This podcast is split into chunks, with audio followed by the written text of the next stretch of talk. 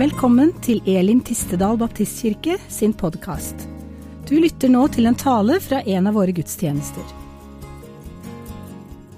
Det som var fra begynnelsen, det vi har hørt, det vi har sett med egne øyne, det vi så, og som hendene våre tok på, det forkynner vi. Livets ord. Det er jo sånn at denne, denne teksten inviterer jo til litt store tanker. Det som var fra begynnelsen. Og i dag så er det jo sånn at vi har fått lov til å være med og feire livets mirakel. Tenk, et nytt liv har starta. Det er jo helt fantastisk. Og det er en kort vei fra, fra den opplevelsen til å stille livets store spørsmål. Hvor kommer vi fra? Og fins Gud? Og iblant så er det jo sånne opplevelser. Det kan være fødsler eller det kan være andre begivenheter i løpet av livet vårt som, som stimulerer oss til å stille sånne store spørsmål. Og det er jo viktig at vi gjør det noen ganger gjennom dette livet. Hvor kommer vi fra? Finnes Gud? Og så er det jo sånn at Vi mennesker vi har kommet fram til ulike svar på det. Eh, og for å si det med en gang Dere har jo skjønt det. Dere er i en kirke, og jeg er pastor. Og underforstått så, så ligger det jo i korta hva jeg mener er svaret på om Gud finnes. Men om du ikke tror det, så må vi allikevel være enige at livet i seg sjøl, det er jo helt forunderlig. Og det er jo sånn at Uansett hvor kloke vi måtte bli i løpet av dette livet, så er vi alltid bare ett spørsmål ifra å ikke forstå noen ting. Og det er dette spørsmålet her Hva var før alt? Det er kanskje dype tanker, men et, et nytt barneliv, da, da, da går i hvert fall tankene mine dit. Hva var før alt? Jo, enkelte vil svare at før alt så var det ingenting. Og betydninga av ingenting betyr til og med at man tenker at før alt så var det ikke engang tid. Det er ubegripelig når vi skal prøve å fatte det. Ubegripelig. En gang så starter alt, og i dette startet så skjer det et sekund som kanskje varer om millioner av år. Og så starter skapningen, skapelsen. Fordi at vi ser at ting ekspanderer. Og man liksom kan se det tilbake til dette utgangspunktet der alt starter. Det er ufattelig. Ubegripelig å forstå. Så er det jo sånn at Som kristen så tenker jeg og vi kristne annerledes. Det betyr ikke at det heller er begripelig. Det er jo kjempevanskelig å skulle tro og forstå Gud. Men vi tror altså Der andre tror at det var før alt så var det ingenting, så tror vi at det alltid har vært noe. Og det alltid kom til å være noe. Og dette noe, det tror vi er Gud. Og når du på en måte ser disse to tinga opp mot hverandre, så må vi uansett hvilken side vi havner på, og hva vi avgjør å tro, måtte enes om at begge deler er helt ubegripelige, ufattelige å skulle forstå. Men som kristen så tror jeg altså at før alt så var noe. Og dette var noe. Det var han som var ifra begynnelsen. Han som er evig og uforlandelig. Og så det, bringer det store konsekvenser inn i våre liv den dagen vi faller ned på å tenke og tro og mene at Gud finnes. Fordi da endrer oss også hele vårt syn på alt annet. Det betyr altså at om vi tror at det finnes en skaper, så betyr det at vi tenker da at alt er skapt. Og nå har vi fått lov til å ha noen ekstra sommerdager denne helga her. Eh, og vi har vært på konfirmantleir oppe på Kornsjøbukta, noen av oss. Eh, og fått lov til å være litt ute i naturen. Jeg var med en guttegjeng og bada litt. Blant annet, og vi kan se naturen og alt rundt oss. Og så, ja, Vi kan nesten forstå det. ikke sant? Noe har skapt alt. Men det at alt er skapt, betyr også at alt har en intensjon. Alt har en mening, og i dag så har vi feira et lite barn. Vi har feira Lille Storm, som jeg syns er et herlig navn, forresten. Og Det var noe av dette, dette navnet som fikk meg på disse tankene som jeg nå skal dele med deg. Det betyr at når vi tror at det finnes en Gud, en skaper, så tror vi ikke at storm er en tilfeldig vind, eller storm om du vil, som blåser tilfeldig forbi og en dag er borte. For om vi ikke tror at det finnes en Gud, så er det den tanken vi egentlig har om livet og oss og hverandre. Nå lever vi, og en dag er vi borte. Men vi tror at da Gud skapte storm, så blåste han sitt liv inn i ham. Og at han er et barn som er blåst til live av Gud med en mening og en hensikt. Og Det står sånn i Bibelen om når han skaper alt, at Gud skapte, når Gud skapte mennesket, så forma han det av jorda. Og så blåste han sitt liv inn i det. Han blåste sin storm inn i menneskelivet. Og så blei vi til. Så det å tro på Gud, å være samla her i dag rundt en barnevelsignelse, betyr at vi er samla rundt noe større.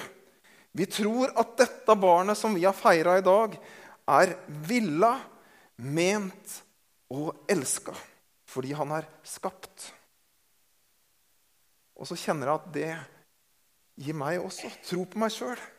Det betyr jo at det at jeg tror på Gud, betyr at jeg tenker også meg sjøl at jeg er villa, ment og elska.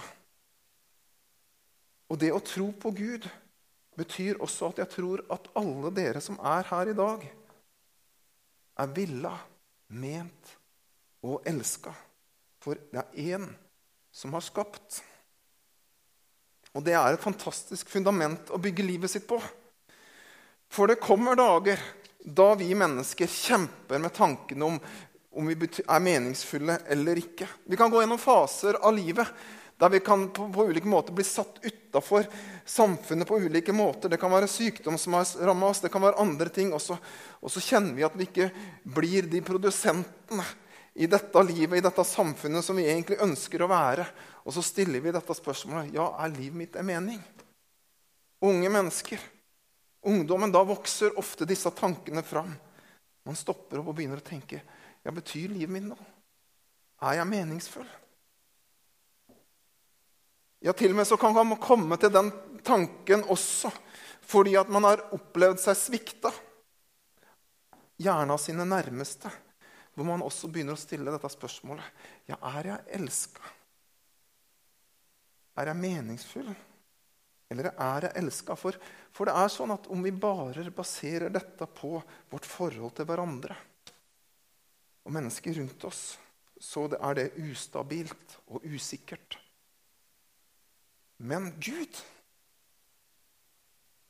han har alltid ment deg. Og han har alltid og vil alltid elske deg. Så kan vi mennesker også kjempe med dette store spørsmålet. Som ikke er noe lett spørsmål i det hele tatt. Det er et utrolig vanskelig spørsmål. Hvorfor? Om Gud fins ja, hvorfor er det da så mye ondskap? Og Mange ganger så kan det føre til at vi kjemper med tvil om Gud, om han finnes, når det er så mye ondskap rundt oss, selv. vi kan oppleve ting i vårt eget liv, og vi roper hvor, 'hvorfor'? Og For mange så blir denne tanken så stor og så alvorlig at man til slutt forkaster tanken om Gud.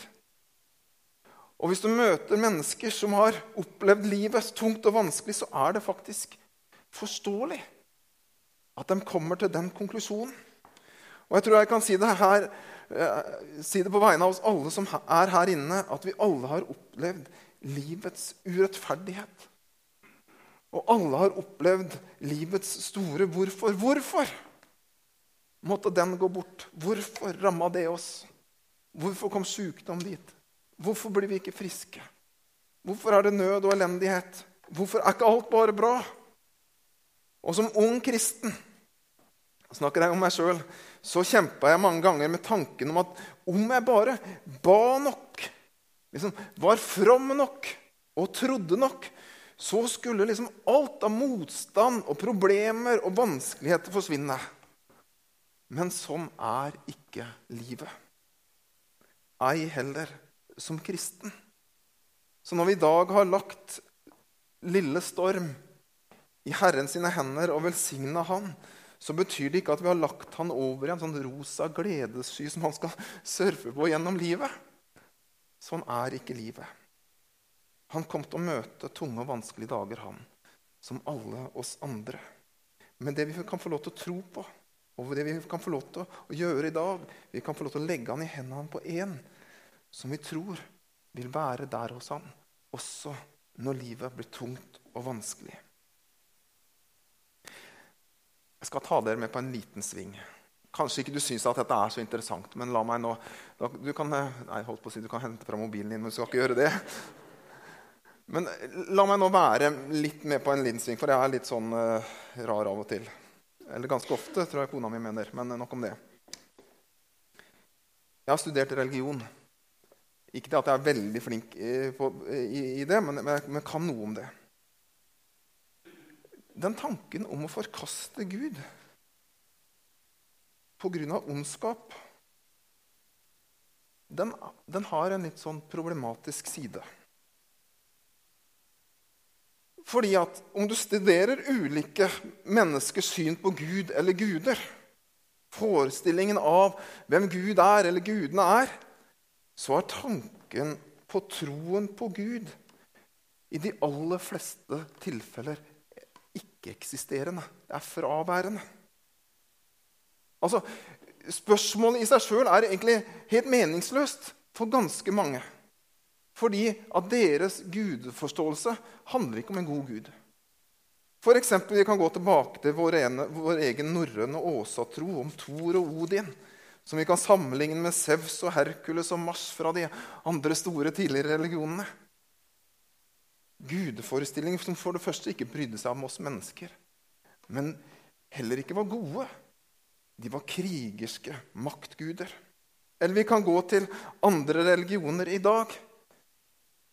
Og du vil oppdage Jeg har ikke lyst til å gå så veldig mye inn på dem, men jeg kan ta noen småeksempler.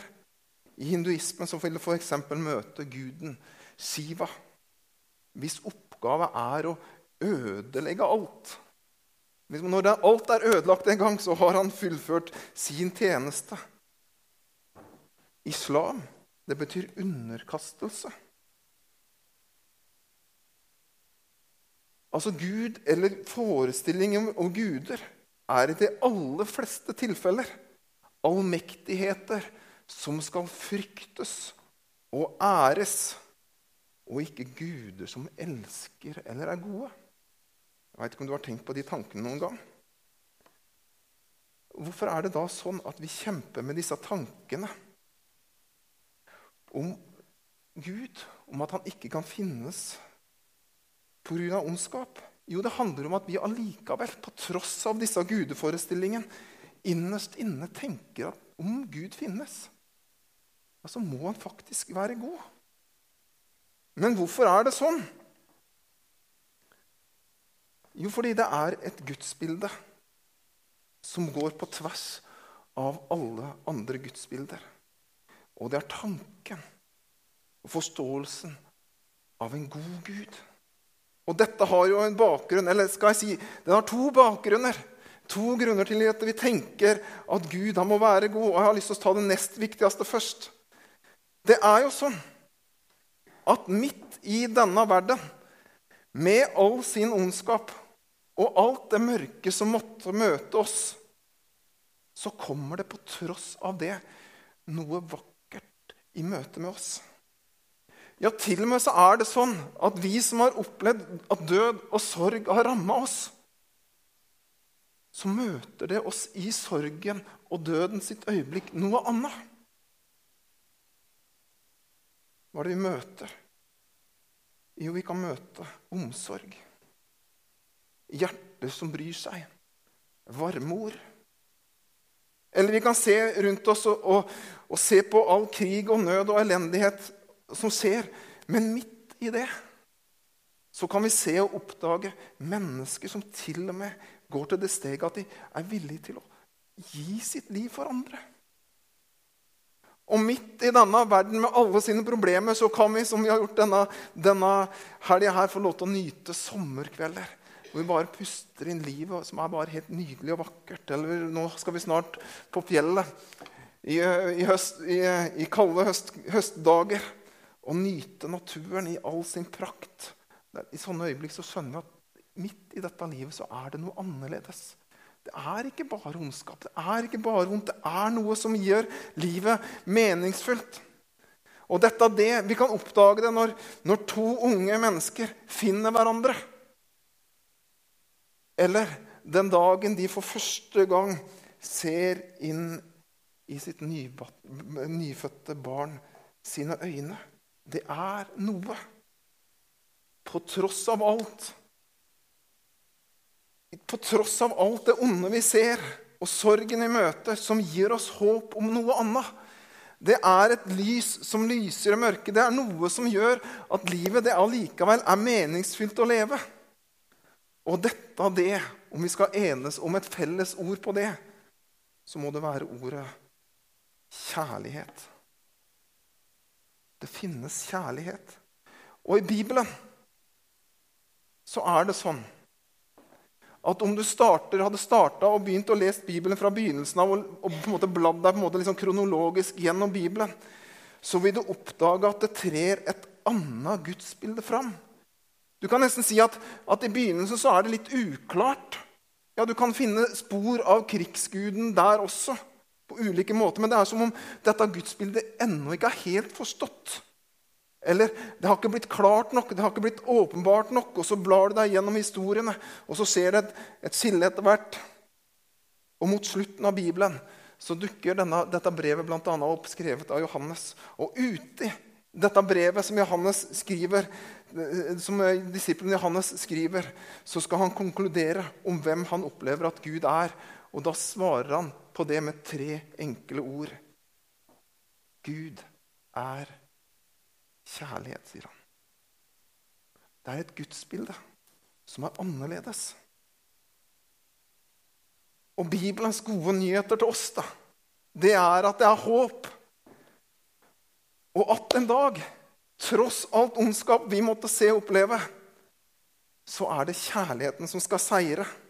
Og fram til den dagen så skal vi som har møtt ham og tatt imot Guds kjærlighet i denne verden hvor det kan skje mye vondt, så skal vi kjempe kjærlighetens sak. Altså midt i denne onde verden så vitner allikevel kjærligheten og håpet om noe annet. Jeg har lyst til å si det sånn at Kjærligheten som vi ser og eksisterer blant oss, vitner om en Gud. For det var vel et av livets store spørsmål. Hvor kommer kjærlighet ifra? Når dukka det opp i menneskers liv og forstand? Når begynte vi å elske, og hvorfor gjør vi det? Jo, mitt svar Gud er kjærlighet. Så til den viktigste tanken om at Gud er god, som gjør at, at det ligger noe i oss som tenker at om Gud finnes, så er han god. Er han god? Og den viktigste tanken den ser du markert i dette kirkerommet, nemlig korset. En dag så blir Gud et menneske. Han kommer til oss som et lite guttebarn. Jesus født i en stall med denne oppgaven for livet å dø for oss. Og Bibelens mest kjente vers sier For så høyt har Gud elska verden, for at hver den som tror på ham, ikke skal gå fortapt, men ha evig liv. Og det er sånn, det er sånn at der vi kjemper om, kjemper om, å skulle forstå at det finnes en Gud pga. ondskap, så er det den samme ondskapen som skaper tvil om Gud finnes, som Jesus dør for på korset. For vi må jo være ærlige og si at om det var så enkelt at vi kunne be Gud fjerne all ondskap i et øyeblikk Så må jeg stille hvert fall spørsmål til meg sjøl. Ja, hvor ble jeg av da?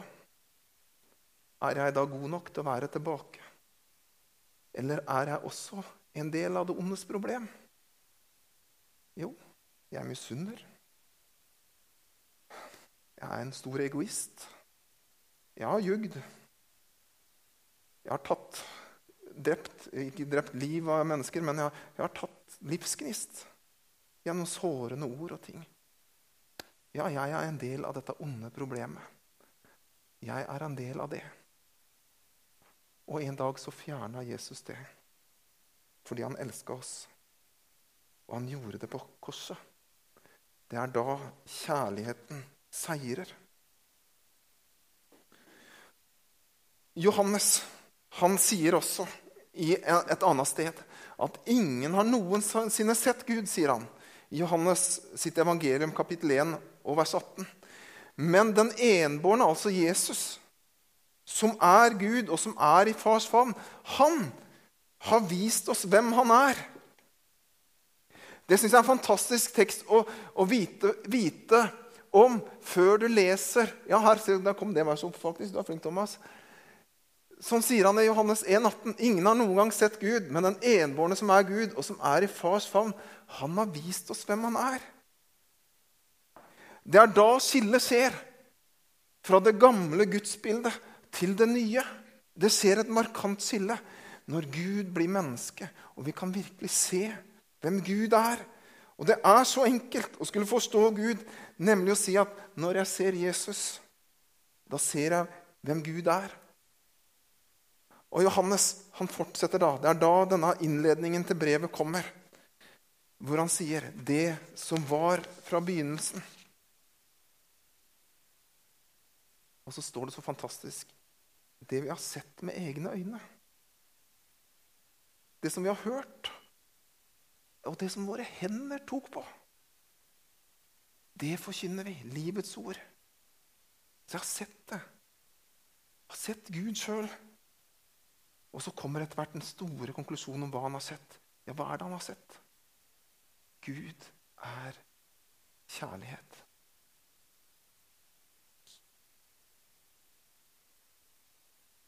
Jeg sa for meg at, at, tanken litt tidligere om at tanken om at før alt så var Gud, er vel så forståelig som å skulle tenke at før alt så var det ingenting. Og på ett sett så kan jeg også forstå at Gud blir menneske. Det ville jo være naturlig for skaperen at han vil gjøre seg kjent blant det skapte. Akkurat som en pappa vil at barnet skal kjenne ham. ikke sant? På samme måte ønsker Gud at vi skal vite hvem han er. Derfor kommer han til vår jord. Men at han dør for oss, det er ubegripelig. For Guds kjærlighet, den er ubegripelig. men jeg tror på den. Det er en gammel sang som vi sang i menigheten hvor jeg kom fra når jeg var liten gutt. Hvor ei sangstrofe lyder sånn Det kan ei forklares, men bare erfares. Ja, det er noe i det. At denne kjærligheten, ja, den er ubegripelig. Men den kan erfares. Og for 26 år siden, som en 20 år gammel gutt, så ble jeg en kristen. Da fikk jeg lov til å ta imot Jesus, og så forandra livet mitt seg. for å si det på en enkel måte. Jeg skulle bli elektronikkingeniør, det var det jeg var vei til å bli. Og hadde ingen planer om å holde på med det jeg gjør. Men så fikk jeg møte Jesus. Jeg har lyst til å si det på den måten at Hvis jeg skulle komme et vitnesbyrd, så måtte det være å gjøre Johannes sine ord til mine. Jeg har hørt og jeg har sett, og jeg har fått berøre Jesus. For det var egentlig det jeg fikk gjøre. Ikke sånn fysisk, ikke det at jeg så han på den måten, men i mitt hjerte. For Gud, han er her. Jesus er her. Ved sin Hellige Ånd.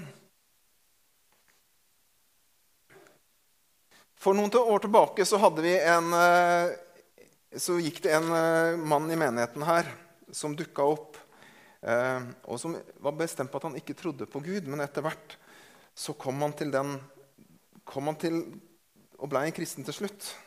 Og han het Trygve. Han var her i mange år før han etter hvert også døde. Og en dag han var på gudstjeneste her så satt han litt bak, bak i salen, og jeg hadde, var opptatt med mitt. Men da kom det noen fram til meg og sa Agnar, Trygve vil snakke med deg. Og så gikk jeg bak til Trygve, og så fortalte Trygve, Trygve, Trygve til meg Du, Agnar, sa han. var en gammel kar. Du, jeg har opplevd noe nå i det siste. Jeg, du skjønner, jeg, jeg får besøk av en kamerat hver tirsdag, og vi prater sammen. Og her en dag, og Denne kameraten min han har det litt eh, tøft og har det litt vanskelig. Og her en dag så kom han til meg, sa han. Og så fortalte han om alle problemene han hadde. og Han hadde så vanskelig, og livet var så vanskelig. Og, men plutselig sa Trygve, så dukka det noen tanker opp i hodet mitt. Jeg fikk for meg denne historien om når Jesus stiller stormen. For det handler om at Jesus han er ute i båten med, sammen med sine disipler. Og Så møter de på storm, men Jesus ligger og sover. Og Så vekker eh, disiplene Jesus, og så stiller Jesus stormen. Og Så fortalte Trygve denne for vennen sin, og så sier han, 'Veit du hva du må gjøre?' sier han. Du må vekke Jesus. Du må vekke Jesus, og så kan han stille stormen din. Og så spurte Trygve meg hva var dette her for noe. Hva er dette for noe som gjør at, at disse tankene kom til meg? Vet du hva du sa jeg til Trygve? Jeg tror at jeg tror at det var Gud som talte til deg. Og ga disse orda fra, fra, fra, Gud til dette mennesket, til kameraten din. Og så svarte til Trygve, veit du hva, Agnar, åssen kan han det? Jeg veit jo ikke om jeg tror på ham engang.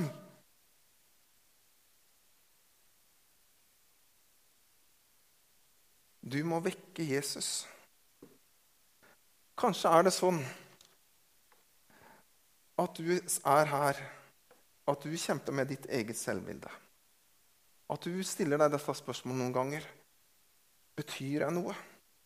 Kanskje du kjemper med denne tanken og tviler noen ganger på er jeg elska.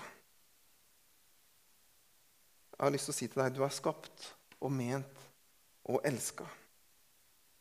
Kanskje du har opplevd så mye vondt i dette livet at du ikke klarer å tenke at det finnes en Gud. Jeg har lyst til å gi deg orda fra Trygve. Har du forsøkt å vekke Jesus? Har du forsøkt ham?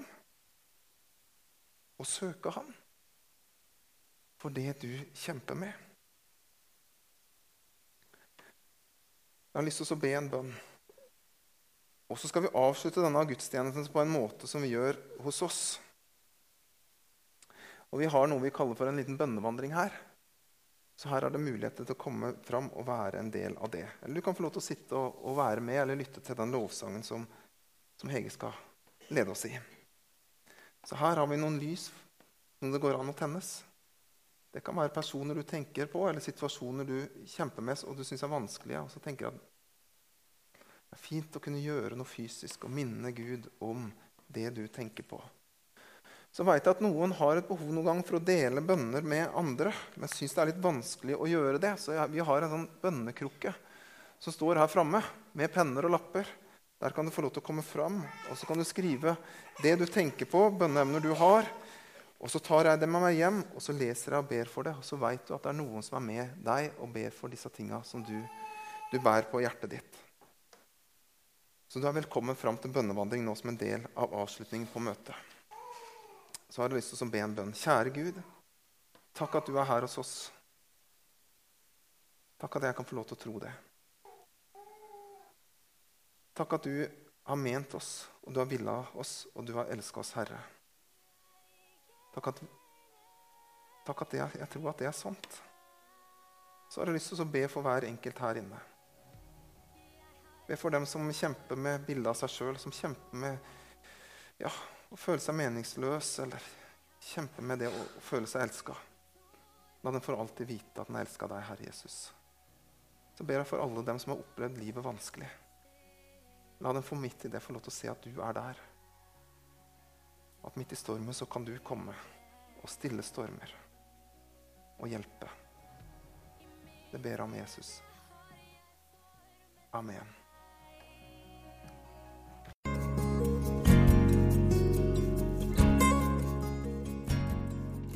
At du lyttet til denne talen. Håper du ble inspirert. Ønsker du å vite mer om hvem vi er og hva vi gjør? Sjekk ut vår hjemmeside elimtistedal.no.